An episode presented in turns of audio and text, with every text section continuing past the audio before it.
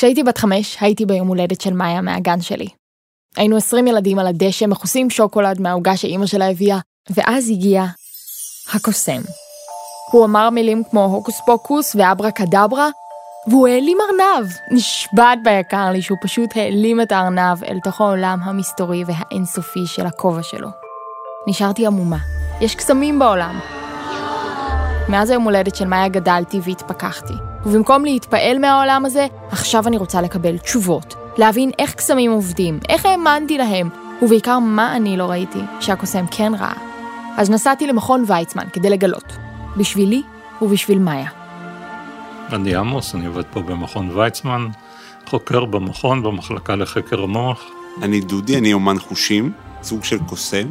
כן, עשינו את הבלתי אפשרי, והפגשנו בין דוקטור עמוס אריאלי, איש מדע מדוקדק ורציונלי, לבין דודי שמר, אומן חושים שגורם למאות אנשים לחשוב לרגע שכוח הכבידה זה שטויות במיץ. עמוס, היה לך בעבר עניין בקסמים או בעל טבעי? התנגדות בלבד. מה זה אומר אומנות על-חושית? אומנות על-חושית זה בעצם לגרום לאנשים לחוות אה, משהו שהוא שונה מהטבע. זאת אומרת, אם אתה רגיל שכוח המשיכה מושך דברים למטה, אז פתאום אתה גורם לדברים לעלות למעלה, ובעצם על ידי זה אנשים חווים איזושהי אשליה שהיא לאו דווקא קורית, היא קורית ב, בתוך הראש שלהם, אבל היא כנראה לא קורית במציאות. כנראה לא קורית במציאות? היא לא קורית במציאות. אני יושבת יחד עם עמוס ודודי סביב שולחן הישיבות של המעבדה, לא תפאורה קלאסית של מופע קסמים. ודודי פותח את מזוודת המתכת המסתורית שלו. אתה יכול לעשות לי קסם? כן, בוא נעשה לך איזה משהו. יש לי פה שקית חומה כזאת מנייר, אה, ואין בה כלום כרגע. מאשרת. יפה. עכשיו יש לי פה אה, בקבוק כזה זכוכית, הורדתי לו את התווית פשוט, בסדר? ואני שם אותו פה בתוך, בתוך השקית. מאשרת שבקבוק הזכוכית נכנס לתוך השקית. ואני עושה ככה. הוא מקיש באצבעותיו ומתחיל למעוך את השקית, כשהבקבוק בתוכה. לקבצץ את השקית עם הבקבוק שגם נעלם. מה קרה פה עכשיו? אוקיי, אמ, הבקבוק שהיה בתוך השקית פשוט נעלם לתוך הידיים של דודי, והילדה הנלהבת שבי חוזרת להאמין בקסמים. אבל היום, בניגוד לפעם, אני הולכת להבין מה באמת קרה כאן. אנחנו בונים על, ה- על הנחות מוקדמות שאנחנו עושים, אוקיי? יש פה בעצם בקבוק שהוא נראה זכוכית, כזה חום, כמו שאנחנו מכירים, של בירה או שכאלה, אבל הוא בעצם עשוי מגומי. אבל בגלל שאנחנו לא יודעים שקיים דבר כזה, בגלל שאת מכירה את הצורה ואת הצבע. וגם אתה אומר לי, בקבוק זכוכית. נכון, וזה את מאמינה לי, וזה באמת הטעות. אה, אבל אה, זה באמת מה שקורה, ואז נוצרת האשליה שבקבוק זכוכית נעלם. וכמה שזה פשוט, ככה זה עובד. בעצם הטריקים האלו, משליפת ארנב מהכובע ועד לאדם שמרחף באוויר, מנצלים את ההנחות הבסיסיות שהמוח שלנו עושה. ומשחקים בנו. הראייה שלנו לעולם היא מאוד חלקית, היא חלקית בהמון מובנים. אולי עכשיו חשוב לציין שדוקטור אריאלי מתעסק בחקר החושים שלנו, וגם באופן שבו חוש הראייה מתעתע בנו. אני אף פעם לא אומר אה, שאני רואה רבע כיסא. את הכיסא הזה שנמצא ממול, אני רואה רק את החלק העליון שלו. אני לעולם רואה כיסא. אז הראייה שלנו כל הזמן יש מניחה הנחות שהן מצוינות, הן עובדות נהדר, והן משלימות את המציאות ככה שנראה דברים שלמים. אותן הנחות שאנחנו עושים, קוסם מנצל אותן. וגורם למוח שלנו להשלים את התמונה, ולהגיע למסקנה שמה שקורה פה הוא אמיתי, למרות שהוא נוגד את כל חוקי המציאות. שכן, הבקבוק באמת התכווצ'ץ', או שהארנב באמת נעלם, המוח שלנו תמיד מצפה לסדר, למציאות מסוימת עם חוקים הגיוניים, אבל בגלל איך שהעין שלנו תופס את הדברים, ואיך שאנחנו רואים את הדברים, נוצרת האשליה הזאת, ועל זה בעצם בכלל מבוסס כל עיקרון, כל עולם הקסמים. יש חוקים שאנחנו לא מודעים אליהם, שהם חוקים שמובילים את המחשבה, ואם אתה יודע עליהם, אתה יכול לעבוד עליהם. אני מתאר לעצמי שקוסם לוקח, יודע אינטואיטיבית לפחות, חלק מהחוקים האלה, כדי uh, לאפשר לקסם לחדור אלייך. באמת תנסי לראות מה את רואה, ומה את מניחה שאת רואה. כי זה כנראה שני דברים שהם שונים. היי,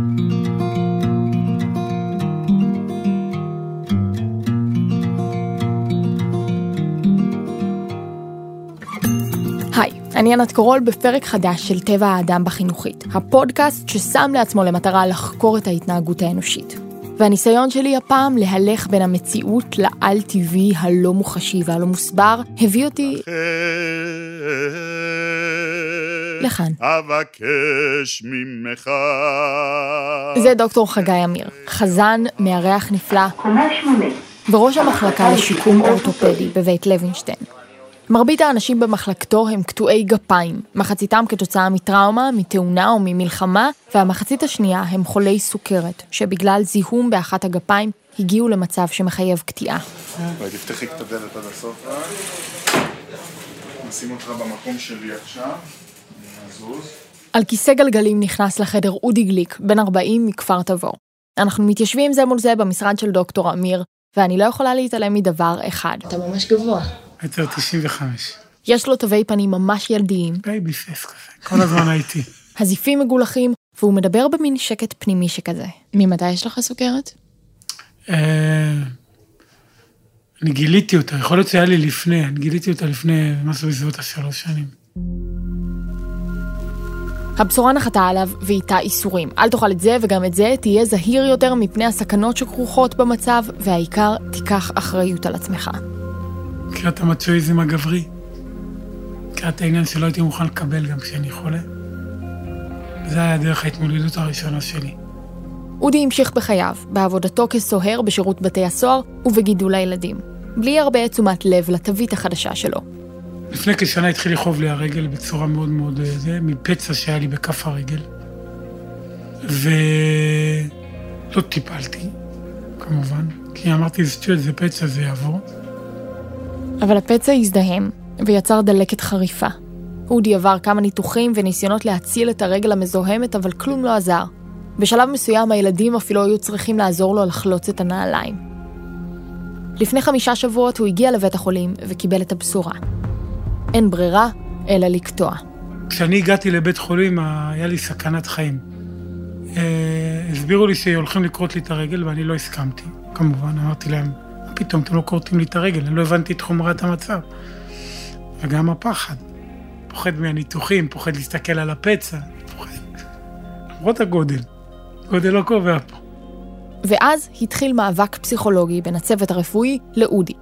הצוות הסביר לו שיש רק סוף סיפור אחד אם לא יקטע את הרגל. מוות. אני הייתי די בהלם והייתי... לא הבנתי כבר כל כך מה קורה איתי. פה נכנסה אשתי לתמונה. והחיזוקים שלה הביאו אותי למצב שזה לא סוף העולם. הניתוח התבצע לפני חודש בדיוק, ולאחריו אודי הגיע לבית לוינשטיין ועלה לקומה שמונה. איך שבאתי, הוא שר אה, כבש. נכון. שמעתי אותו שם. שאלו אותך, כן. למה אתה פה דוקטור? אז הוא אמר, כי אה, בא לשכונה אה, הבאה. אה, קולי נעלם, ליבי נרגש. קולי נעלם ליבי נרגש, בא לשכונה בחור חדש, הומה נפשי לקראת המפגש, בא לשכונה בחור חדש, ליבי נרגש, אני נרגש. אודי הגיע למחלקה כשרגל שמאל שלו מהברך ומטה קטועה, ובלי הרבה ידע איך עומדים להיראות הימים והשבועות הקרובים. אבל היה מישהו שעשה בשבילו שיעורי בית. הבן שלי הגדול, שהוא בן 13 וקצת, התקשר אליי ואמר לי שאבא, אתה, אחד, אתה גיבור שלי. ואז הוא סיפר לי אשתי שאבא צריך לדעת שיהיה לו כאבי פנטום, אני לא יודע מאיפה הוא יודע על כאבי פנטום. לי הסבירו באותו יום מה זה כאבי פנטום. תחושת פנטום, תודו שיש לה שם מעולה, היא רוח הרפאים של עולם המדע. מין שם שמרמז על תחושה על-טבעית.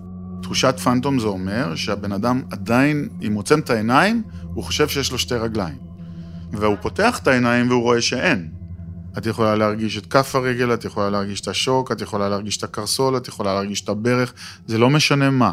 הסתיים הניתוח, ואז כשאתה פותח עיניים, אתה מרגיש שיש רגל, עד עכשיו אתה לפעמים מרגיש שהרגל נמצאת. וזה לא איזה כאב כללי או תחושה מעורפלת. זה פתאום יכול לגרד לך באצבע. פתאום מרגיש כאב בצד, כאב בזה של הרגל. לגרד פיזית באצבע אחת, כן, אתה יכול להבין את זה. זה כמו דקירות, כאבים של, אני, של הרגל זה דקירות. אתה מרגיש כזה כמו הבזק כזה. וזה לא רק מוזר להרגיש כאב ספציפי בבוהן שמאל, תחושת הפנטום יכולה להיות גם מסוכנת. פה לא מרשים לך לקום לבד, למרות שאני אומר לעצמי, אני בחור חזק, אני אעמוד לבד, אין בעיה. כי אנשים שהורידו להם את הרגל, לפעמים, מיד אחרי הקטיעה, חושבים שיש להם רגל, רוצים לרדת מהמיטה בלילה, ללכת לשירותים. זה ההרגשה שהרגל השנייה עדיין נמצאת. פחד שהרגל עדיין נמצאת ותנסה להישען עליה, ואז תיפול, ואז הגדם ייפגע והוא יכול להיפתח, וכל הטיפול ייערך. והכל מהסיבה הפשוטה שהם בטוחים שהרגל שם. אבל למזלו של אודי, הפאנטום הוא לא איזה משהו על-טבעי. הוא קצת כמו קסם של דודי, אומן החושים. נראה מטורף ולא הגיוני, אבל יש לו הסבר, והוא ממש פשוט. יש ציור שלם על פני המוח של כל הגוף. הנציגות של התחושה של אותו איבר על המוח עדיין קיימת. והמוח עדיין רואה, כשהוא בונה לעצמו את התחושה, הוא עדיין רואה את הרגל כקיימת. בעצם התחושה והכאב הם לא ברגל, הם במוח. זה שאין שם רגל, זה לא אומר שהמערכת העצבים הפסיקה לעבוד. הכאב זה תחושה, זה תפיסה למעשה, של הרבה אינפורמציה שמגיעה אל המוח, שהמוח מתרגם אותה כתחושה, ככאב. הבעיה היא שלפעמים כאב הפנטום כל כך חזק שחייבים לטפל בו. אבל איך מטפלים בכאב של משהו שלא קיים? עולם המדע עדיין לא לגמרי הבין. בינתיים הוא מנסה כל מיני שיטות, ואחת היצירתיות שבהן היא שיטת המראה. מה שאנחנו עושים כחלק מהטיפול בכאבי פנטום או תחושות פנטום, זה אנחנו לוקחים את האדם ואנחנו אומרים לו, תעבוד עכשיו על לשנות את התנוחה שאתה, שאתה, שהמוח שלך מרגיש את, ה, את היד. קטוע הרגל יושב עם רגליים פרוסות מלפנים, ומול הרגל הבריאה, במקום שבו פעם הייתה רגל נוספת, שמים מראה, כך שהרגל הבריאה משתקפת בה. עכשיו אנחנו אומרים לו, תתחיל לדמיין שאתה מזיז את כף הרגל אליך, ותמשוך אליך את כפות הרגליים, שתי כפות הרגליים. ואז הוא מבצע תנועות ברגל הבריאה, והמוח שלו חושב שהוא מבצע אותן גם בחסרה. ככה הוא מצליח למשל לשחרר כאב של התאפסות שרירים, או הימצאות בתנוחה לא נעימה, שמגיעה מהאיבר הקטוע. ולאודי יש גם פתרונות משלו. אני מזיז את הרגל, מזיז את הרגל כשיש לי כאב פנטום, וצוחק. ככה אני, זה עובר לי. להגיד, רגע, תירגעי, אין רגל, מה את מכאיבה לי שם? מה פתאום את נמצאת שם? וזה מה שעוזר לו להתמודד עם הכאבים. אבל תחושות הפנטום הן לא רק כאבים, הן רבות ומגוונות, ואם לא היה להן הסבר מדעי אמין, אולי אפשר היה לחשוב שאודי השתגע. יש דבר מאוד מעניין שנקרא telescoping, שעם הזמן, הרגל שאיננה הולכת ומתקצרת. עם הזמן, הוא רואה שכף הרגל שלו הולכת ומתקרבת לקצה הגדם, בעיני רוחו, כן? כשהוא עוצם את העיניים והוא חושב על איפה הרגל שלי, ואז הוא מגיע עד לכך שכף הרגל יוצאת מקצה הגדם כאילו. איך זה עובד? המוח שלנו הוא פלסטי, גמיש ומשתנה. כיוון שהמוח לא מקבל תשדורת מהאיבר הקטוע, הוא מתחיל להבין שאין רגל, ולהתרגל לכך, ולאט לאט התמונה של הרגל במוח מתחילה להימחק. ולמה כפות הרגליים נמחקות אחרונות? פשוט כי יש להן הרבה יותר כישורים במוח, אז הרבה יותר קשה למחוק אותן. והאמת היא שלכל אחד מאיתנו יש דוגמאות לדברים שהמוח שלנו מתרגל אליהם ומאמין שהם שם, גם כשהם כבר לא. אחרי שאני מסתפרת, השיער שלי היה לפני זה ארוך ונחמד ופתאום הוא קצרצר, אני עדיין אבוא לאסוף אותו. פלאפון, אותו דבר. הפלאפון שנמצא בכיס מסוים, וכל הזמן פתאום אנחנו מרגישים כאילו, הנה הוא מצלצל. אנחנו מרגישים שומעת... את התחושה, אנחנו שומעים אותו מצלצל אפילו. אני שומעת את הטלפון שלי כל הזמן, אני נכון. חשבתי שזו בעיה שאני צריכה להתנתק ממנו קצת. ממש לא, זה ככה. זה, זה בדיוק התחושה שה, של הפלסטיות של המוח. לפעמים זה קצר יותר, לפעמים זה יותר ארוך, אבל תמיד יש אה, זמן הסתגלות שהמוח עדיין מקבל את אותה תמונה שהייתה לו לפני, שהוא יצר לעצמו לפני. והוא מלביש את האינפורמציה החדשה שמגיעה על התפיסה התחושתית שהייתה לו קודם.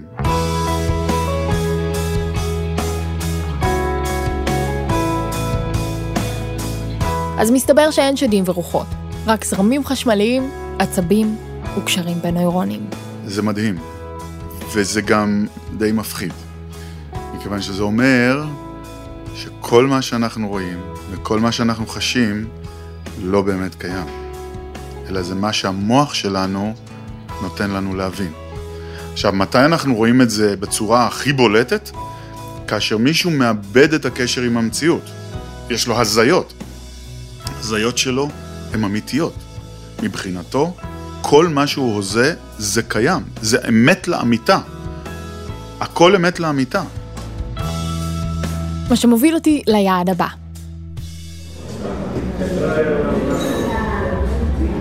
אני בתל אביב, בפאב, מחכה שהמופע כבר יתחיל. הגעתי למופע סטנדאפ לא ממש שגרתי, ואני האמת ממש מתרגשת, כי מי שיעלה תכף לבמה הוא בן אדם שפגשתי לפני כמה ימים.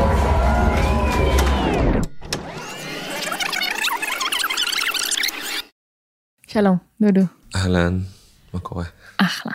דודו גרינברג ואני נפגשנו באולפן שלנו, והוא התחיל לספר לי על עצמו. סיפור שמתחיל בגיל 17.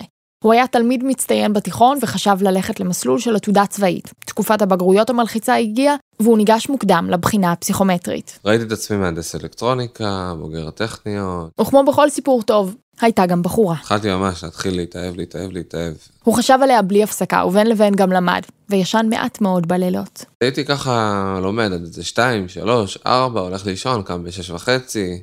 זה ככה הייתה יחסית תקופה ארוכה. הרגשה טובה וחזקה, וכאילו יש לך הרבה כוחות וחוזק, ואתה לא חייב לישון, ואתה יכול לעשות הרבה הרבה דברים. עד כאן גיל התבגרות קלאסי. התאהבויות, לימודים, תחושות טובות ולחצים רעים. אבל בין כל הסערות האלו, דודו התחיל פתאום לאבד אחיזה במציאות. הייתי בטוח שיכולים לקרוא לי את המחשבות, הייתי בטוח שמכוונים עליי צלפים מאיזשהו בניין גבוה. חשבתי שאני אה, אה, פושע מלחמה נאצי, שנכנס לגוף של נער יהודי. שומע כל מיני לחישות, לחשושים. והייתי בטוח שחייזרים מתחברים אליי למוח שלי. הוא שמע את הרדיו מדבר, והיה בטוח שאנשים מתחבאים מאחורי התריסים ומתצפתים עליו, ושמצלמים אותו במצלמה נסתרת. וזה גם מחשבות שמתחלפות, נגיד כל עשר שניות, אז אתה לא... אתה גם לא עקבי, כאילו, אתה לא זוכר את המחשבה שהייתה לך לפני עשר שניות. ההבחנה הרפואית שדודו קיבל למצב שלו הייתה סכיזופרניה. מהי סכיזופרניה? שאלה, שאלה קשה. זה פרופסור דני קורן, פסיכולוג קליני וחוקר סכיזופרניה. אה, סכיזופרניה היא כותרת אבחונית לאחת התופעות או תעלומות הכי אה, טרגיות והכי לא אה, מובנות או מפוענחות שקיימות בפסיכיאטריה. אבל מה זה המהות הזאת, האם זה מהות אחת או כמה דברים נפרדים, מה הגבולות שלה, זה משהו שהוא אה, מאוד לא ברור. מה שכן ידוע הוא שהיא נגרמת מאיזשהו חוסר איזון כימי במוח. היא מתבשלת כבר מילדות, אבל פורצת לרוב תחת איזה שהם גורמי קיצון או לחץ, ולרוב בסוף שנות הנעורים, תחילת שנות ה-20. היא קיימת אצל כאחוז אחד מהאוכלוסייה, וכוללת מגוון של תסמינים, שלא כולם מופיעים אצל כל חולי הסכיזופרניה. צמצום של הביטוי הרגשי, דלות של אה, שפה על מנת להמחיש, אפשר לדמיין אנשים שכלפי חוץ לפחות נראים כאילו הם אה, אה, רובוטים או זומבים.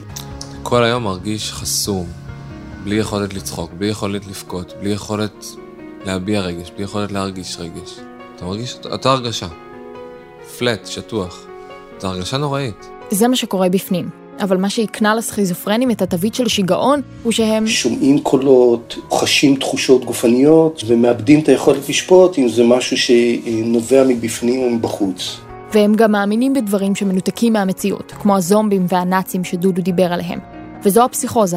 פסיכוזה זה, זה בא לידי ביטוי באיזשהו עיוות מהאופן שבו אה, מציאות נתפסת על ידי החברה או התרבות שבתוכה האדם חי. כשאתה באפיזודה פסיכוטית, אתה יודע מה אמת ומה לא? אה, כשזה כבר מתחיל להיכנס למצבים אה, פסיכוטיים אקוטיים, חריפים, אתה לא מבין. הכושר שיפוט שלך נפגע, אתה בטוח שמה שאתה חושב זה המציאות. אתה כבר לא יודע שזה סתם שטויות, אתה כבר מאמין בזה. כי כשהמוח שלנו חווה חוויה, וכשהמוח שלנו חווה הזיה... מבחינת האזורים התחושתיים, הפעילות שלהם היא מאוד מאוד דומה. כאשר יש אה, שמיעה של אה, דברים שבאים באמת מבחוץ, לבין הזיה שמיעתית. זאת אומרת, האזורים האלה פעילים גם אם מגיע משהו מבחוץ, וגם אם זה משהו שאנחנו מבפנים אה, יוזמים אותו. המוח מראה לאדם שחווה את ההזיות ואת מחשבות השווא שהן חלק בלתי נפרד מהמציאות, והאדם מאמין לו. כמו שאנחנו מאמינים שדודי שמר, אומן החושים, העלים את הבקבוק, למרות שזה נוגד כל היגיון שיש לנו. וכך, כשההזיות ומחשבות השווא התעצמו והגיעו למצב שלא היה ניתן להתעלם מהן, דודו נכנס בפעם הראשונה לבית חולים פסיכיאטרי, בגיל 17. תקופה הראשונה בבית חולים, פתאום אתה מילד מצטיין, תלמיד מצטיין שעושה פסיכומטרי וזה, פתאום אתה מגיע לאשפוז פסיכיאטרי ואתה נותנים לך תרופות כאלה קשות בהתחלה, לבוש בפיג'מה, מוזנח. אה, בבוקר הראשון שלי במחלקה, הייתי באי שקט מאוד נורא, ממש באי שקט. והייתה ארוחת בוקר, אכלתי ארוחת בוקר, ואני בכלל במצב שאני חושב שאני בגיהנום או בגן עדן, ואני חושב שהילדים שלבושים בפיג'מות כחולות הם אנשים טובים, ואלה שלובשים בפיג'מות אדומות הם איזה רוצחים, גנבים, וממש הייתי מבולבל מאוד, ממש בפחד נוראי, חרדה. הוא נשאר בבית החולים כמה חודשים, מנותק מכל החברים שמתגייסים לצבא ולא ממש יודעים מה קרה לדודו. ככל שהימים עברו בגלל התרופות והטיפולים, הסימפטומים נחלשו, עד שהקולות והדמויות הפסיקו לרדוף אותו. ויחד עם התרופות, הוא הגיע לאיזון. התחיל לראות את המציאות כמו רוב האנשים בעולם. ואתה יוצא מזה אחרי שאתה מקבל טיפול. ואז אתה מבין שבעצם הרבה הרבה דברים שחשבת, הם בעצם לא הגיוניים. הם בעצם לא, ממש לא יכול להיות שזה קרה. מוזר לי לשבת מול דודו ולשמוע אותו מדבר על הניתוק מהמציאות בדיעבד, כאילו זה קרה למישהו אחר. אבל זה הקטע, זו מחלה אפיזודית. היא באה, ואם מטפלים בה נכון, לרוב היא הולכת, לפחות עד לפעם הבאה. וכשהיא נעלמה אצל דודו, זה לא שנשארו לו שרידים מההזיות, הכל נמחק. הוא לגמרי חזר להיות מחובר למציאות. כשאתה משתחרר, פתאום אתה יוצא למציאות חדשה. אתה כאילו בעולם הרגיל, אבל אתה לא מי שהיית קודם. לא, וגם uh, כל החברים שלך כבר בצבא, uh, עתודה, אתה מאוד מבודד חברתית, מאוד מאוד מאוד. אתה מנסה לעבוד ואתה נפלט ואתה מתחיל ויוצא, מתחיל ויוצא. לחזור למציאות זה קשה. כשאין לך שם, את יודעת, איזושהי... ברור שיש משפחה תומכת, שזה אחד הגורמים של למה אני לא אה, אושפזתי עוד ועוד נגיד. אבל לא היה לי, את יודעת, עכשיו אני אתאשפז, יש לי בחוץ את האישה ואת הילדים ואת הלימודים, יש דברים לחזור אליהם. כן, היום דודו נשוי, עם שני ילדים מקסימים. במהלך השנים שעברו מאז האשפוז הראשון הוא אושפז כמה פעמים, אבל רוב שנותיו עברו עליו כשהוא מאוזן באמצעות כדורים. הוא עבד הרבה שנים בשיקום נפגעי נפש, והיום לומד חינוך ומקדיש זמן לילדים. הילדים שלי, באמת, זה נקודת אור, וזה כיף, כיף גדול להיות אבא שלהם, ואני רוצה להיות מאוד מעורב. הילדים שלך יודעים? לא. כשיגיע הרגע שבו תגיד להם. וחשבתי על זה, חשבתי אפילו להגיד להם, אה, אתם צריכים להיות גאים באבא שלכם, לא, לא להתבייש. כי אבא הגיע מצב מאוד לא פשוט, שהרבה הרבה מבוגרים לא, לא, לא תמיד יוצאים ממנו ולא תמיד uh, יכולים לתפקד. ואבא שלכם uh, הגיע, ו... והוא הצליח להקים משפחה, ו... ואתם צריכים להיות פשוט גאים. אבל הסיפור של דודו הוא סיפור ייחודי. רוב האנשים שמתמודדים עם סכיזופרניה לא נישאים ומתקשים ביום-יום. הרבה מהם לא מסתדרים בעבודה ומתקיימים רק מקצבת נכות. וכמובן שיש גם את הסטיגמה. מהן הדעות של הציבור שהכי היית רוצה לבוא ולומר להם, אתם טועים? יש אנמיה. אז לאנמיה אתה לוקח ברזל, אתה לוקח uh, whatever, ב-12, איידס, יכול עם הקוקטייל הנכון, לא יודע איך לקרוא לזה. אתה יכול לחיות עם זה, אתה יכול לעבוד, אתה יכול לתפקד. אז לדעתי uh, גם זה מה שהייתי רוצה שהציבור uh, ידע. שבעיה נפשית, מחלה נפשית, פגיעה נפשית זה, זה כמו כל מחלה, כמו כל סיטואציה שדורשת טיפול. אחת המטרות שאנחנו עושים את הסטנדאפ זה לנפץ את הסטיגמה. וזו הסיבה שהגעתי להופעה. בארבע השנים האחרונות דודו עולה על הבמה, יחד עם עוד ארבעה חברים, במופע סטנדאפ שנקרא סליחה על ההפרעה. הסטנדאפ בעצם כאילו הופך את, ה... את ההתמודדות או את המחלה, הופך את זה ממש, כאילו אני גאה, אני, יש, לי, יש לי בעיה נפשית. ואני גאה בזה, אני לא רוצה להסתיר את זה. אני כאילו רוצה שישמעו את הקול הזה, מבינה? את הקול של ההומור, את הקול של התקווה, את הקול של השיקום, את הקול של ההצלחה. שלום, שלום לכולם. שלום, קוראים לי דודו, אה, אני מנתניה, אני חולה נפש, היו לי עד עכשיו שמונה אשפוזים. לא יודע מה יותר גרוע, זה שאני חולה נפש וזה שאני מנתניה. אז אני אתן לכם בכלל כמה טיפים למי שהולך לפסיכיאטר ולא רוצה שיאשפזו אותו. דבר ראשון, טיפ מאוד בנאלי ופשוט, תבואו לבושים. מאוד חשוב. הלכתי אה, יום אחד למרפאת שיניים והעברתי את הכרטיס שם במכונה, כתוב לי, לך לפקידה. ניגשתי לפקידה, היא פתחה לי תיק, ואז היא אומרת לי, שב ליד חדר מספר 1, הטלוויזיה תקרא לך. פעם אחרונה שהטלוויזיה קראה לי זה היה כשהייתי מאושפז מחלקה פסיכיאטרית. ככה היא אמרה לי. דודו ממשיך לעשות סטנדאפ, ויודע שההתקף הבא עוד יגיע. הוא לא מפחד, אלא פשוט יודע שיאלץ לחזור לאשפוז, וגם שיוכל לצאת ממנו, ולחזור לחייו. כרגע דודו מסתכל על המציאות ביום-יום ממש כמו כולנו, אבל גם המציאות הזו, נטולת ההתקפים, היא מציאות מתעתעת. כי אף אחד, כמו שהראו לנו אומן החושים דודי שמר והחזן והדוקטור חגי אמיר, לא רואה את המציאות באמת כמו שהיא. ופסיכוזה, באיזושהי רמה שלה, היא חלק בלתי נפרד מהחיים של כולנו. באוכלוסייה כללית תופעות פסיכוטיות, גם ברמה קלינית, אבל בוודאי ברמה תת-קלינית, מאוד מאוד נפוצות. בקרב מתבגרים, 90 אחוז או, או למעלה מזה מקרב מתבגרים מדווחים אה, על חוויות פסיכוטיות ברמה תת-קלינית. ההבדל הוא ברמת הספק. כל עוד אתה מודע לכך שיש מצב שתפיסת המציאות שלך לא נכונה, זה הופך את זה ללא קליני ולא דורש טיפול. יש לך גם עם הזיות שנחשבות לפסיכוטיות, לא ברמה הקלינית? בוודאי, אבל תראי, אנחנו כולנו מאמינים שיהיה פה טוב יום אחד, או שיום אחד יהיה פה שלום. רוב הסיכויים שזה סוג של דלוזיה, על מנת להרגיש איזושהי תקווה, איזושהי תוחלת לכל ההשקעה הסיזיפית של החיים פה, אנחנו צריכים להאמין שיהיה פה, פה טוב יום אחד. זה דלוזיה שהיא לא פסיכוטית ברמה הקלינית, במובן הזה שרובנו, אם, אם, אם תלחצי אותנו לפינה, אנחנו רובנו נגיד, אנחנו יודעים שהסיכויים לזה הם נמוכים.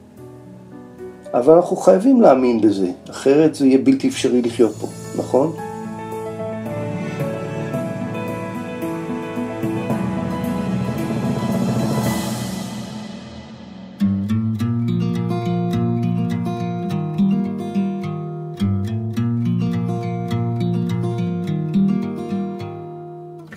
הפודקאסט טבע האדם הופק על ידי יולי-אוגוסט הפקות בעבור החינוכית. אני ענת קורול, את הפודקאסט ערך אסף בקר.